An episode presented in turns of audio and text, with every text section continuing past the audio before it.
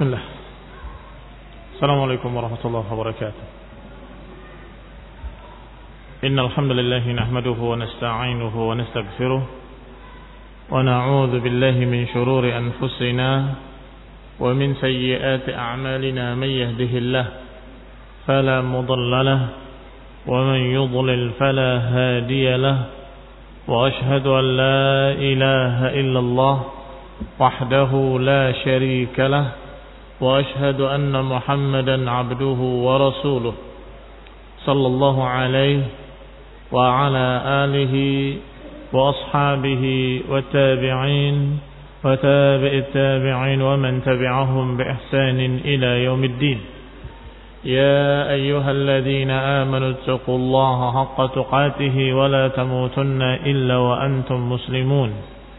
يا أيها الناس اتقوا ربكم الذي خلقكم من نفس واحدة وخلق منها زوجها وبث منهما رجالا كثيرا ونساء واتقوا الله الذي تساءلون به والأرحام إن الله كان عليكم رقيبا يا أيها الذين آمنوا اتقوا الله وقولوا قولا سديدا يصلح لكم أعمالكم ويغفر لكم ذنوبكم ومن يطع الله ورسوله فقد فاز فوزا عظيما. أما بعد فإن خير الحديث كتاب الله وخير الهدي هدي محمد صلى الله عليه وعلى آله وسلم وشر الأمور محدثاتها فإن كل محدثة بدعة وكل بدعة ضلالة وكل ضلالة في النار Ikhwani fi din, a'azakumullah. Kaum muslimin yang saya hormati, kita masuk pada tahun yang ke-9. Yaitu dihitung dari Hijriyah. Qal wa tasmiyatuha sanatul wufud. Dan dinamakan tahun ke-9 ini dengan tahun wufud. Sanatul wufud dinamakan. Kenapa dinamakan sanatul wufud? Yang artinya utusan-utusan atau tahun utusan-utusan. Wufud bentuk jamak dari wafdun. Wafdun adalah utusan. Berarti sanatul wufud maknanya tahun utusan-utusan. Karena memang pada tahun tersebut datanglah utusan demi utusan dari suku demi suku dari kabilah demi kabilah untuk masuk masuk Islam. Dan juga pada tahun ini pula nuzul surat Al-Fatah. Turunnya surat Al-Fatah. Tentunya yang dimaksud bukan inna fatahna laka fathan mubina. Sudah pernah dibahas bahwa kalimat inna fatahna laka fathan mubina justru tafsirnya adalah Hudaybiyah. Tetapi yang dimaksud sini adalah fath adalah idza jaa nasrullahi wal fath. Ayat kemenangan. Yaitu surat yang Allah turunkan ketika Fathu Makkah yaitu idza jaa nasrullahi wal fath. Ketika datang pertolongan Allah dan kemenangan. Pembukaan kota Mekah. Maka engkau lihat kata Allah, ra'aitan nas yadkhuluna fi dinillahi afwaja engkau melihat manusia masuk ke agama Allah berbondong-bondong, bergelombang-gelombang, berkabilah demi kabilah, suku demi suku. Itulah yang dijuluki dengan wufud. Maka tahunnya disebut dengan tahun wufud. Tahun ke berapa? Hah? Enam, ke sembilan. Berkata Ibnu Ishaq rahimahullah. Lama ftataha Rasulullah sallallahu alaihi wasallam Makkah ketika Rasulullah sallallahu Allah berikan kemudahan untuk membuka kota Mekah, farigha min Tabuk dan sudah selesai dari perang Tabuk, wa aslamat Thaqif dan suku Bani Thaqif sudah masuk Islam, wa bay'at dan sudah berbaiat untuk masuk Islam, darabat ilaihi wufudul Arab min kulli wajh. Maka datanglah wufud utusan demi utusan dari kalangan Arab.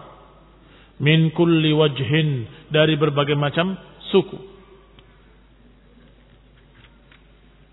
Wa innama kanat al-Arab taraddasul bil Islami amra hadzal hayy min Quraisy. Yang demikian karena orang-orang Arab menunggu untuk masuk Islam, menunggu satu kota, satu kabilah yang bernama kabilah Quraisy. Kenapa demikian? Karena mereka tahu. Mereka mengerti bahwa suku yang paling kuat dan paling keras penentangannya terhadap Islam adalah Quraisy. Sehingga selama Quraisy masih ada, mereka enggan untuk masuk Islam. Tapi ketika Quraisy sudah masuk Islam, maka suku-suku lainnya menyatakan kami nggak mungkin akan bisa menentang Islam. Maka mereka pun masuk Islam bergelombang-gelombang. Masuk Islam berbondong-bondong. Dikatakan tarabbasu bil islami amra hadzal hayy min Quraisy. Mereka menunggu untuk masuk Islam, menunggu keadaan al-hayy satu kampung dari kalangan Quraisy, yaitu Mekah. Kanu imamun nasi wa hadiyatuhum. Mereka orang-orang Quraisy adalah pimpinan seluruh Arab.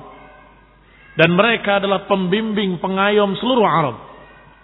Wa ahlul baiti wal haram dan mereka adalah ahli bait yang merupakan tuan rumah dari tempat yang suci yaitu Al-Haram, Ka'bah. Wa dharih waladi Ismail ibni Ibrahim alaihi salam dan juga termasuk turunan dari Ismail anaknya Ibrahim alaihi salam itu Quraisy. Wa qadatul Arab dan mereka merupakan pemimpin-pemimpin Arab. La yunkaruna dzalik, tidak ada yang mengingkarinya bahwa Quraisy adalah pemimpin Arab. Quraisy adalah pemimpin-pemimpin dari segala suku-suku yang lain dari kalangan Arab. Wa kanat Quraisyun hiya allati nasabat li harbi Rasulillah. Dan Quraisy pula lah suku yang paling keras menentang Rasulullah sallallahu alaihi wasallam dan memerangi Rasulullah sallam wa khilafihi dan yang menyelisihi Rasulullah sallallahu Falama tutihat Mekah, maka ketika dibuka kota Mekah, yang maknanya Quraisy dikalahkan, wadanat lahu Quraisy dan Quraisy sudah mulai beragama dengan Islam, wadawwakhaha al-Islam dan sudah dimasuki agama Islam, arafatil Arab annahu la taqata lahum biharbi Rasulillah sallallahu alaihi wa ala alihi wasallam. Maka ketika itu orang Arab tahu bahwasanya la taqata lahum tidak ada kekuatan bagi mereka untuk memerangi Rasulullah sallallahu alaihi wa ala alihi wasallam.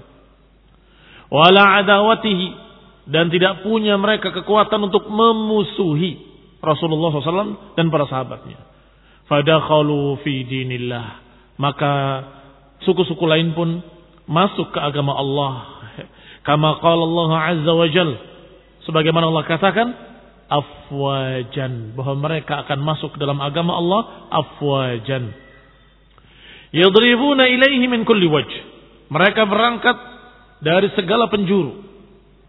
Menuju Mekah menemui Rasulullah SAW untuk masuk Islam.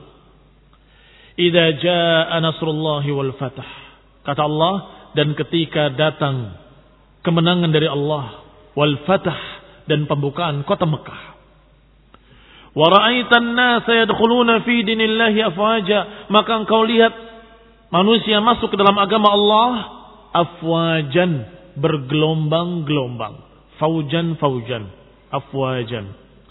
Fasabbih bihamdi rabbik wastaghfirhu innahu kana tawwaba. Maka bertasbihlah dengan memuji Allah, memuji Rabbmu dan mintalah ampun kepadanya. Innahu kana tawwaba. Karena sesungguhnya Allah Maha menerima taubat.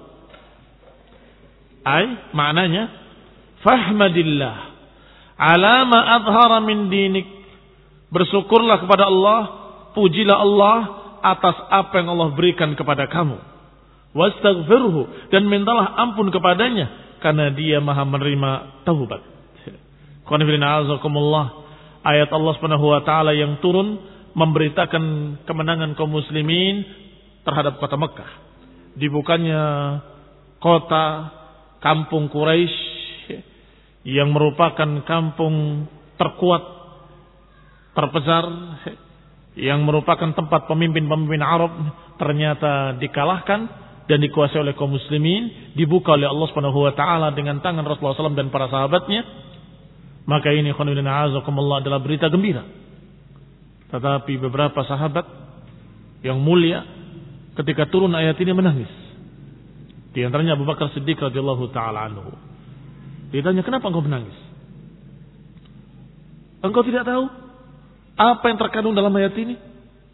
Allah katakan sudah dimenangkan dan sudah masuk Islam manusia berbondong-bondong, maka mintalah ampun pada Allah Subhanahu wa taala.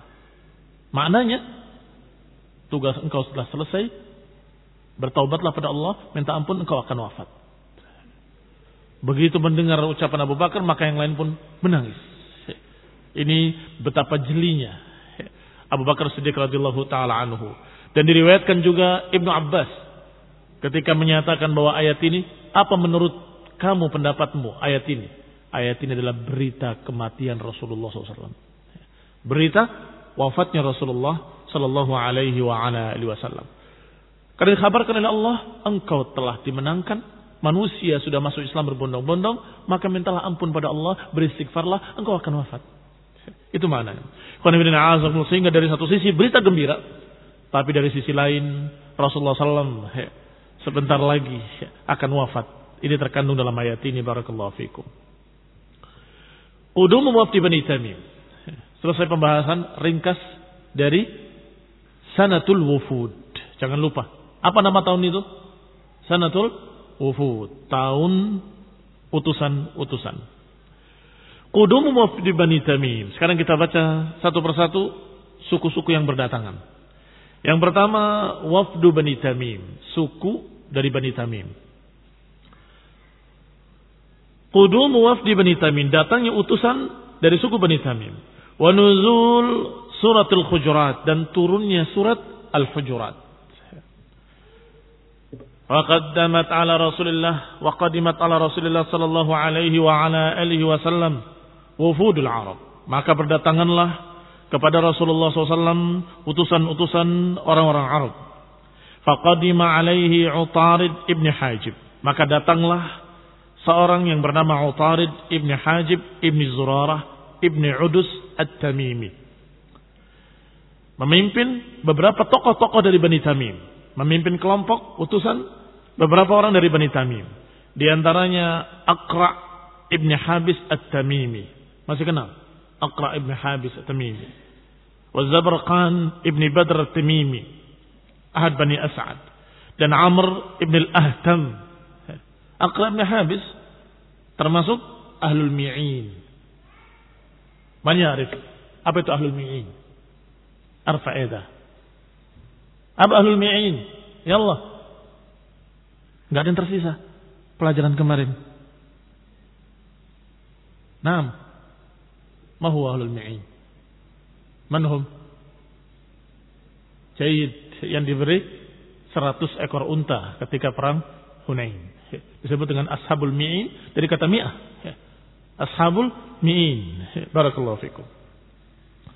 Termasuk di antaranya Aqra ibn Habis yang diberi pampasan perang besar 100 ekor unta membuat beberapa orang-orang salah paham tetapi nasihat Allah SAW maka mereka pun paham bahwa orang-orang yang baru masuk Islam memang sepantasnya untuk diberi banyak sebagai apa? Mu'allafati qulubuhum sedang dijinakkan hatinya.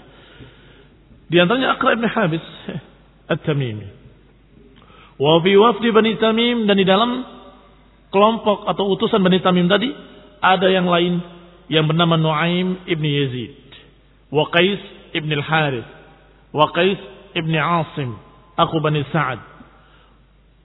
Fi wafdi fi wafdin azim min Bani Tamim. Di dalam sebuah rombongan besar dari suku Bani Tamim. Wa ma'ahum dan bersama mereka Uyainah ibni Hasan ibni Hudayfah. Masih ingat? Juga sama, termasuk ashabul mi'in. Uyainah ibni Hasan ibni Hudayfah ibni Badr al-Fizari.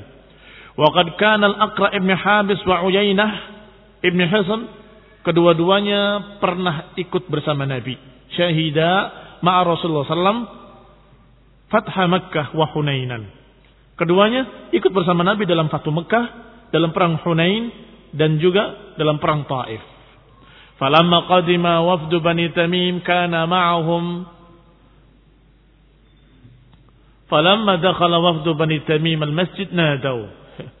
Ketika datang suku atau rombongan suku Bani Tamim kana ma'ahu. Keduanya ikut dalam rombongan mereka.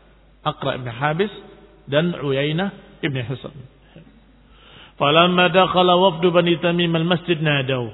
Ketika mereka masuk ke masjid, utusan-utusan tersebut, mereka memanggil Rasulullah SAW. Memanggil dari balik kamar-kamar Rasulullah SAW. Dari balik hujurat. Dan menyatakan, Anikhruj ilayna ya Muhammad. Keluarlah kepada kami ya Muhammad. Dalam riwayat dikatakan, Ya Muhammad, Ya Muhammad, abshir. Wahai Muhammad, gembiralah. Wahai Muhammad keluarlah kepada kami. Fa'adha Rasulullah. Tentunya yang demikian menyakiti hati Rasulullah SAW. Panggilan-panggilan mereka menunjukkan kalau mereka dalam keadaan belum mengerti tentang kedudukan Rasulullah SAW sebagaimana mestinya. Kenapa demikian? Karena dalam rombongan itu, pertama, sebagian besar adalah orang-orang yang baru mau masuk Islam. Sehingga belum tahu adab dan sopan santun terhadap Rasulullah. Yang kedua, sebagian mereka adalah badu. Orang-orang badia, orang-orang badu biasa kasar seperti itu. Ya Muhammad, ya Muhammad, ukhruj, hamzir. Kami masuk Islam, kami beriman, kami beriman.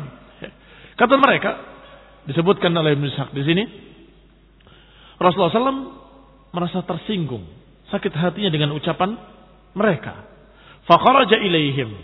Maka Rasulullah keluar menemui mereka maka mereka berkata, Ya Muhammad, ji'naka nufakhiruk. Wahai Muhammad, kami datang membanggakan kamu. Ini seakan-akan Rasulullah SAW senang, gembira dengan Islamnya mereka. Fa'adhan li syairina wa khatibina. Maka izinkanlah untuk khatib kami dan penyair kami untuk berbicara.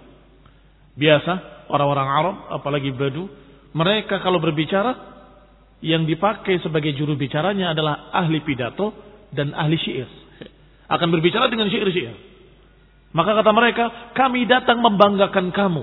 Izinkan untuk penyair kami berbicara. Dan khatib-khatib kami, ahli pidato kami berbicara. Faqam, maka Nabi pun menyatakan, Qad adintu li khatibikum. Faliyakul. Silahkan. Aku sudah izinkan untuk khatib kalian, penyair kalian untuk berbicara. Berbicaralah. Maka tadi disebutkan dalam judul bab wa nuzul suratil hujurat. Bahwasanya ini kisah tentang utusan Bani Tamim dan turunnya surat Al-Hujurat. Di antaranya yang turun ketika itu adalah kalimat Innal ladina yunadunaka min wara'il hujurati aktsaruhum la yaqilun. Allah menentramkan Rasulullah dengan mengatakan Sesungguhnya mereka yang memanggil-manggil kamu dari balik dinding itu, yang menyeru memanggil kamu dengan keras dari luar bilik-bilik itu, aktsaruhum la yaqilun, kebanyakan mereka orang yang belum paham. Ya ini Rasulullah SAW diperintah oleh Allah atau disuruh oleh Allah untuk memaklumi mereka. Karena mereka orang-orang yang tidak mengerti, orang-orang yang layak kilun, orang yang tidak paham. Maka Nabi pun sabar menghadapi mereka. Keluar dan kemudian mereka mengatakan kami akan membanggakan kamu. Ini juga satu lagi yang lumayan mengena di hati Rasulullah SAW.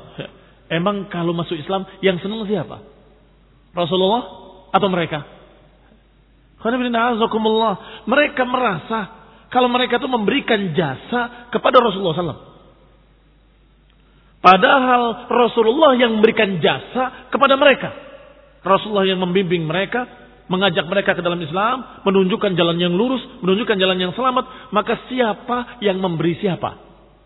Artinya siapa yang memberi, siapa yang diberi? Hah? Mereka diberi oleh Rasulullah SAW bimbingan hidayah, hidayatul irsyad maksudnya, atau Rasulullah SAW yang diberi oleh mereka dengan keislaman mereka. Hah? Mana yang benar? Maka Allah Subhanahu wa taala juga dalam surat yang sama, dalam surat Al-Hujurat, di akhirnya Allah katakan dengan kalimat yamunnuna alaika an aslamu قل لا تمنوا علي إسلامكم بل الله يمن عليكم أن هداكم للإيمان إن كنتم صادقين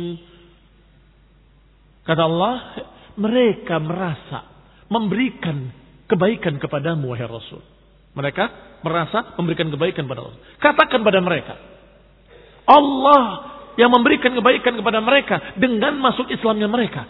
Allah kasih hidayah mereka Allah berikan bimbingan pada mereka melalui lisan Rasulnya SAW, maka Allah yang berikan jasa pada mereka. Itu pun kalau mereka benar.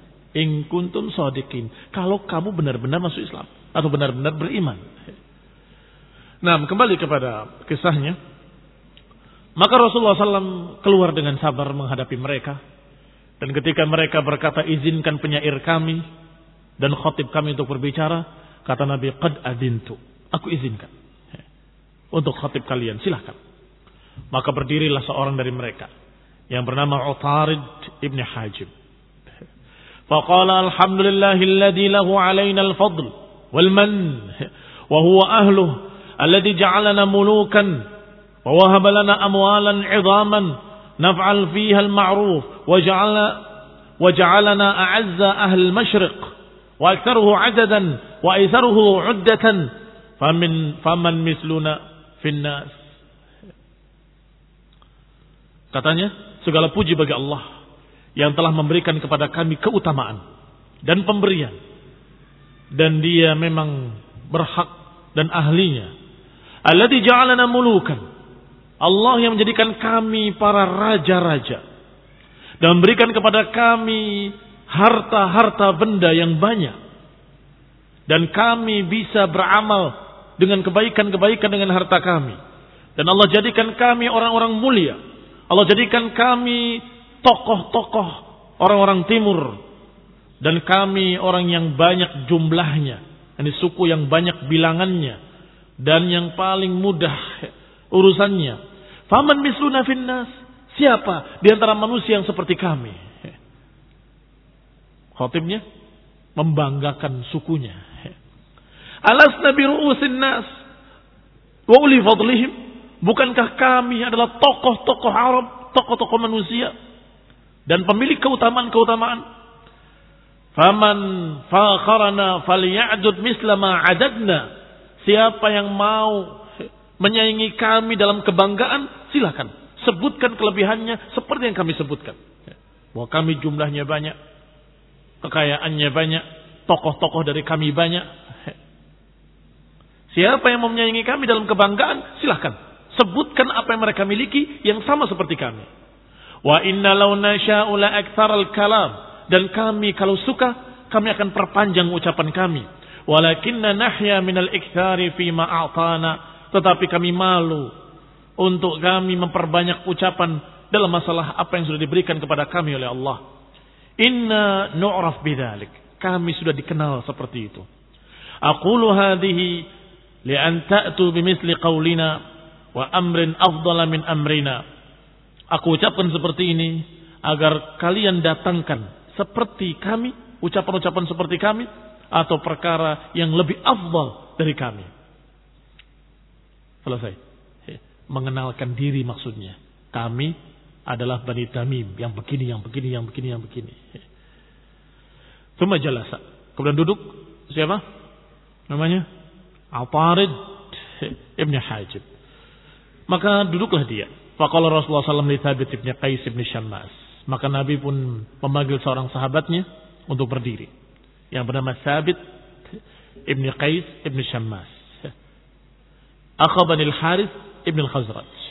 Yaitu salah seorang sahabat dari Banil Harith ibn al-Khazraj.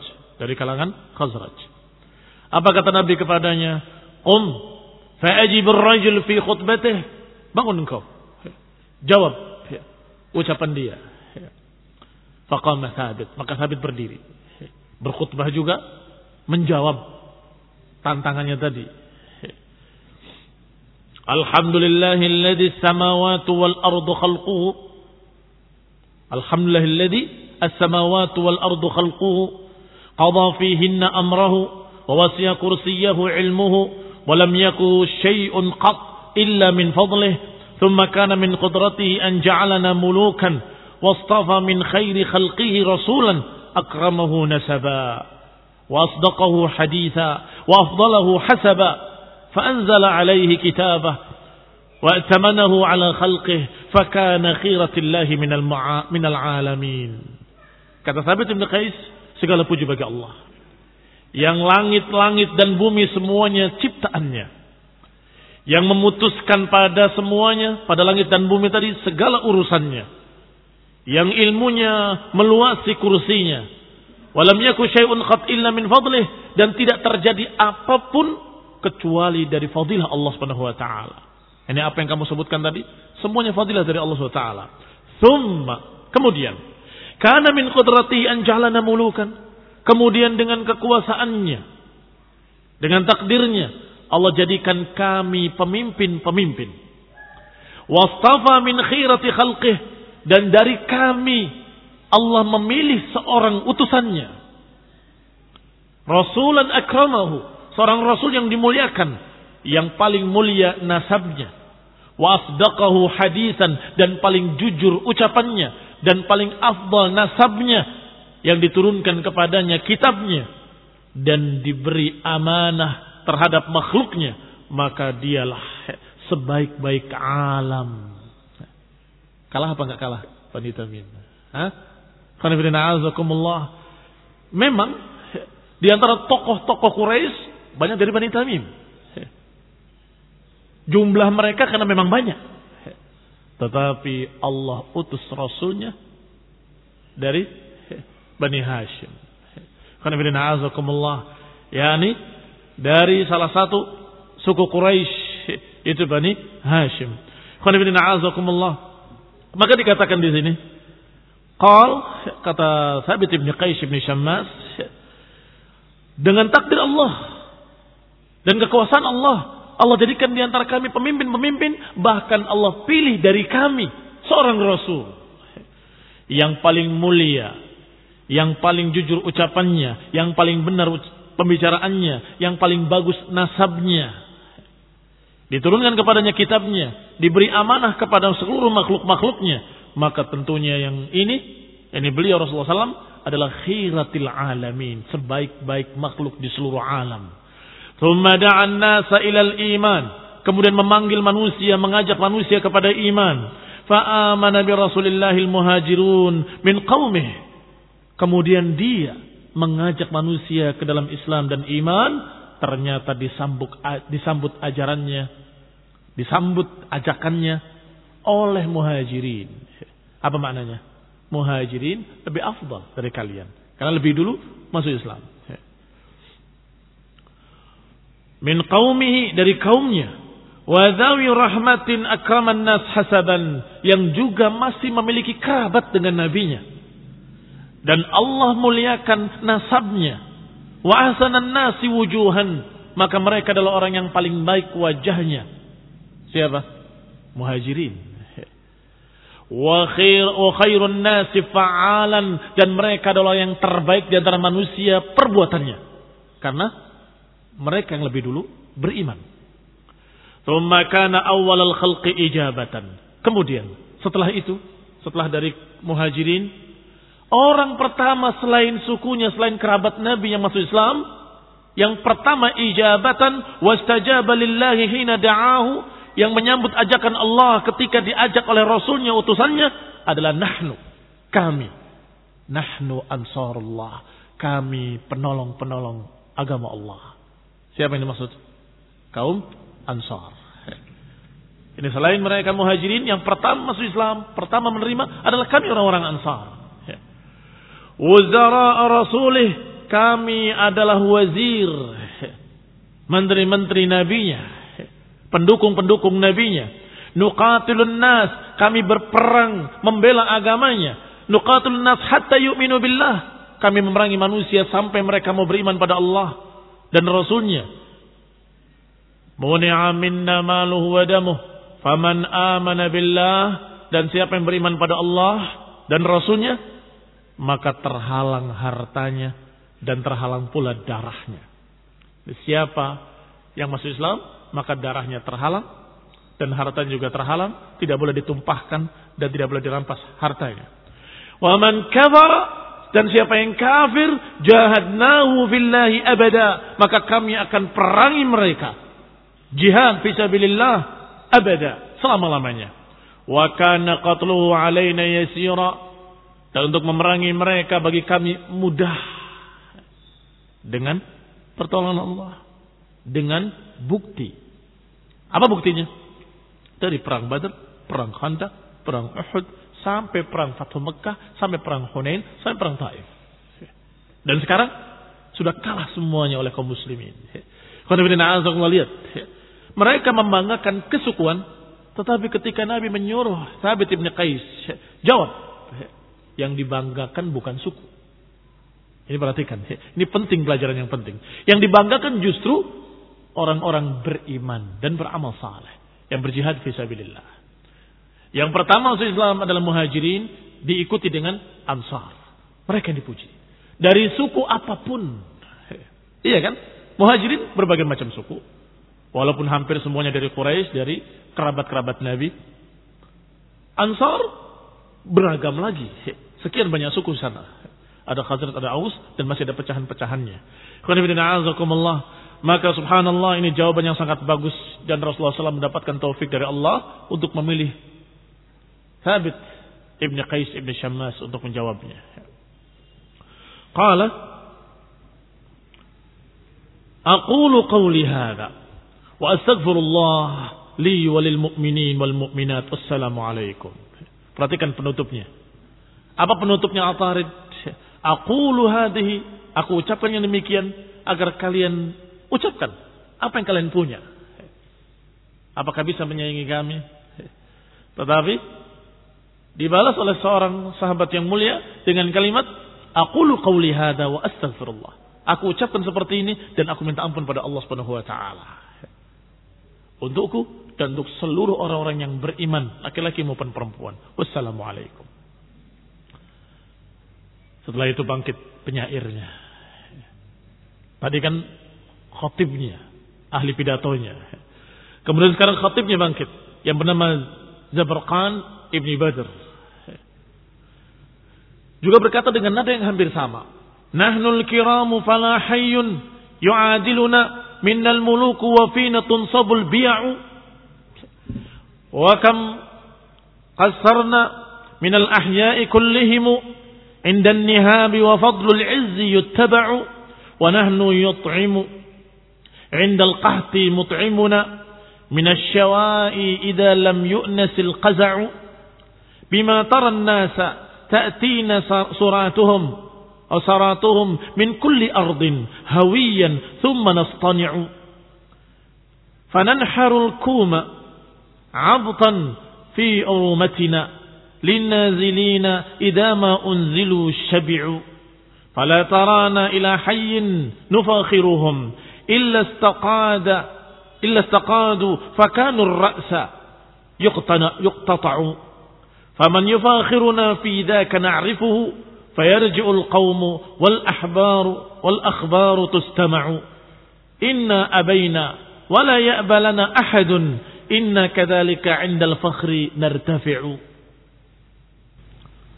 yang juga dijawab oleh khatib dari kalangan muslimin Siapa kira-kira? Hah? Yang kemarin dibahas juga bab khusus tentang penyair yang masuk Islam. Man? Gak ada yang jawab. Nah, Hasan Ibn Thabit. Ada babnya khusus tentang itu. Maka Nabi menyusul. Karena tidak hadir, panggil Hasan Ibn Thabit. Suruh jawab. Maka dijawab juga dan hampir sama. Ininya hampir sama dengan khutbah yang tadi tentang masalah kebanggaan Bani Tamim. Dijawab dengan kebanggaan orang-orang muhajirin dan ansar atau Rasulullah SAW terutama kemudian muhajirin dan ansar. Kita akan baca lagi syairnya pada kajian mendatang billahi taala. Wa barakallahu fikum. Subhanaka wa bihamdik asyhadu an la ilaha illa anta astaghfiruka wa atubu ilaik.